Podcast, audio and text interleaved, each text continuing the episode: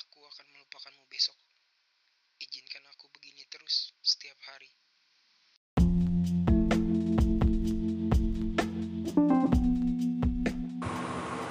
Hai, hai semua. Ini benar-benar podcast berbeda dari versi saya sebelumnya. Saya mencoba untuk lebih eksplisit, nunjukin kalau cerita ini tuh buat dia. Eh, kok udah ke situ aja? Saya benar-benar bingung gimana caranya bikin pembukaan yang bagus saya nggak bisa nunjukin cerita ini langsung karena orangnya udah jauh mungkin dengan membuat podcast ini saya punya kenang-kenangan untuk diingat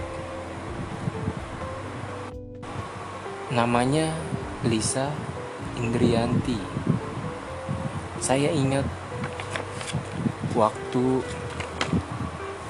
pertama kali kenal dia. Jadi, dia yang mengenali saya. Waktu pertama kali masuk sekolah, kejuruan. Tiba-tiba dia manggil saya. Hai, kamu Abdu ya? Pacarnya Tiwi ya? Tanyanya.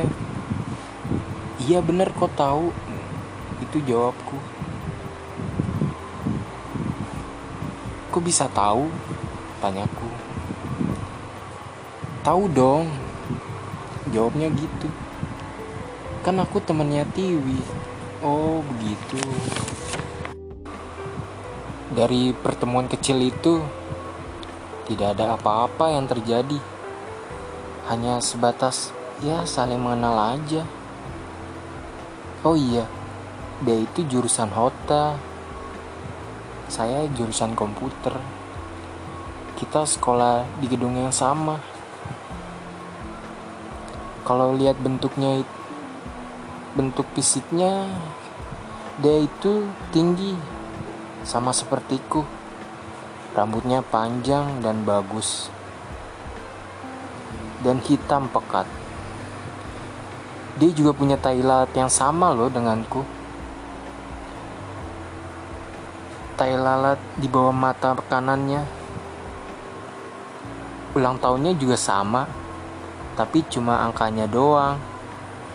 Ulang tahun dia itu 24 November. Kalau saya 24 September. Sampai akhirnya saat kelas 11 SMK tidak pernah direncanakan sebelumnya kita bisa saling dekat lewat WhatsApp saat hubunganku dengan Tiwi udah selesai. Saat itu semuanya berjalan normal, cuma sebatas teman chat aja. Sampai akhirnya saya terjebak di dalam hubungannya. Iya, saat itu dia udah punya pacar. Pacarnya satu jurusannya dia lebih sering bicara denganku saat pacarnya membuatnya kecewa. Aku suka selalu saat dia cerita bagaimana caranya pacarnya mengecewakannya. Aku senang menghiburnya. Pokoknya aku pilihan terakhir saat dia lagi sendiri. Saat pacarnya membuatnya dia sedih.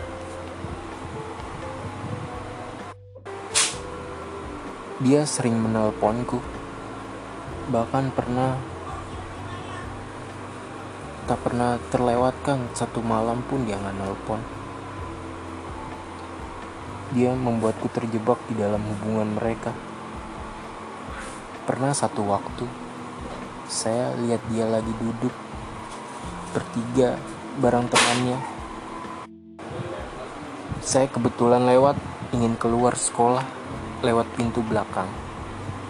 Dia lagi duduk di kantin. Dia tegur saya. Saya menyaut. Saya pun mengulurkan tangan. Dia menggapainya. Tanpa ku sadari, di ujung lorong ada pacarnya yang melotot.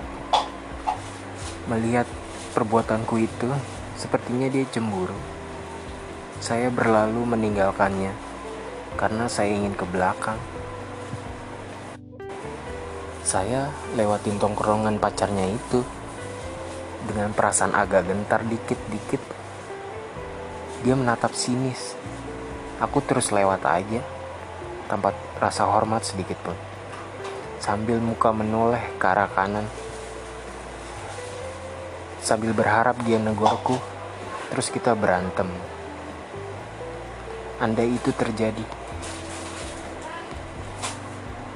justru kalau itu terjadi, oh heboh sekali pasti.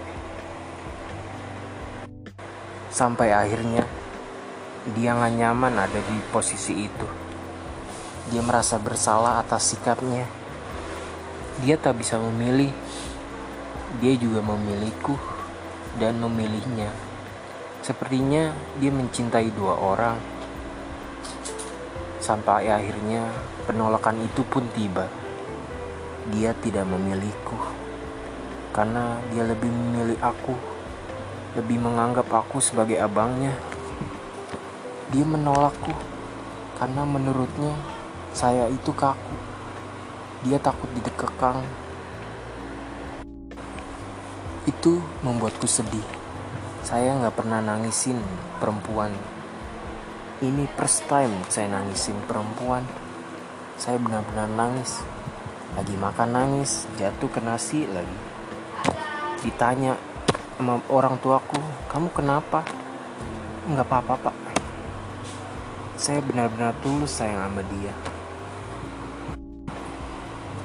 Kita nggak pernah ketemuan di luar. Hanya sebatas ketemu di sekolah. Untuk duduk berdua pun ngobrol nggak pernah ada sedikit kesempatan. Sampai tiba akhir kelulusan sekolah ini benar-benar momen terakhirku bisa ketemu sama dia sebelum berangkat saya berdoa semoga ada quality time untuk aku bisa ngobrol sama dia Alhamdulillah dia mau quality time terakhir denganku sebelum study tour ke Jogja itu dimulai saya udah menyiapkan kado terakhir buat dia. Yang ku ingat dia itu suka sekali sama kucing. Aku cari dia kalung kucing. Oh, syukurnya ketemu ada kalung berbentuk kucing. Waktu itu kita dipisahkan oleh dua bus, masing-masing jurusan.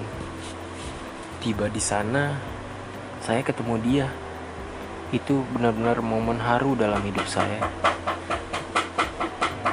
Kita memulai momen-momen terakhir itu dimulai dari keraton Jogja. Kita berdua naik delman ke Malioboro. Sampai Malioboro, kita berjalan sepanjang trotoar. Aku benar-benar menikmati momen terakhirku sama dia. Dengan pedenya aku minta dia beli sesuatu. Padahal duitku cuma dua lembar. Dia menolak. Dia cuma ingin cappuccino cincau. Akhirnya pun kita berbagi. Rombongan bis kita kembali berangkat ke Borobudur. Saya ingat di gedung di gedung seperti ruangan teater dia lagi duduk di situ. Saya memanggilnya saat dia lagi bersama kawan jurusannya. Ini menjadi momen termanis sepanjang hidupku. Akan kuingat terus selamanya. Di depan ruangan teater itu ada pohon besar. Kita berteduh di sana sambil mengobrol. Aku siapkan kado yang udah aku siapkan sebelumnya. Aku memintanya membukanya. Dia membukanya, lalu dia senang. Dia sangat senang hadiah itu. Dengan senangnya dia membalikan badan, mempersilahkan aku untuk memasangkan kalung itu. Anehnya aku, sayangnya aku menolak. Karena merasa nggak enak sama kawan jurusannya yang ada di belakang. Saat itu kita berbicara lebih dalam tentang perasaan. Dia lebih nyaman kalau kita cuma jadi abang adik. Saya mencoba untuk mengerti saya mencoba untuk mengerti. Saya benar-benar harus mengerti. Saya minta suap foto terakhir sama dia. Gak pernah saya sangka dia tiba-tiba melingkar di balik leherku sambil memeluk. Ada beberapa foto yang diabadikan. Anehnya kenapa dia nggak pernah ngirim foto itu ke saya. Cuma ada satu foto di HP saya yang akan saya kenang selamanya.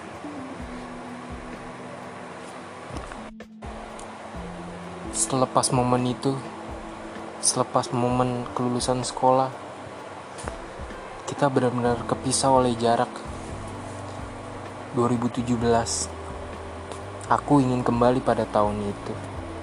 Saat saya masih bisa melihat senyummu itu saat saya masih bisa melihat senyummu saat kita ketemu di ujung sekolah saat aku melewati kantin saat kita papasan di depan kelas. Lisa iya namanya Lisa. Sekarang dia kembali ke pacarnya yang lama.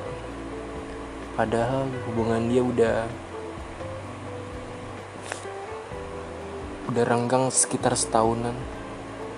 Tapi tetap dirayain empat tahunan. Selamat bahagia dan selamat sukses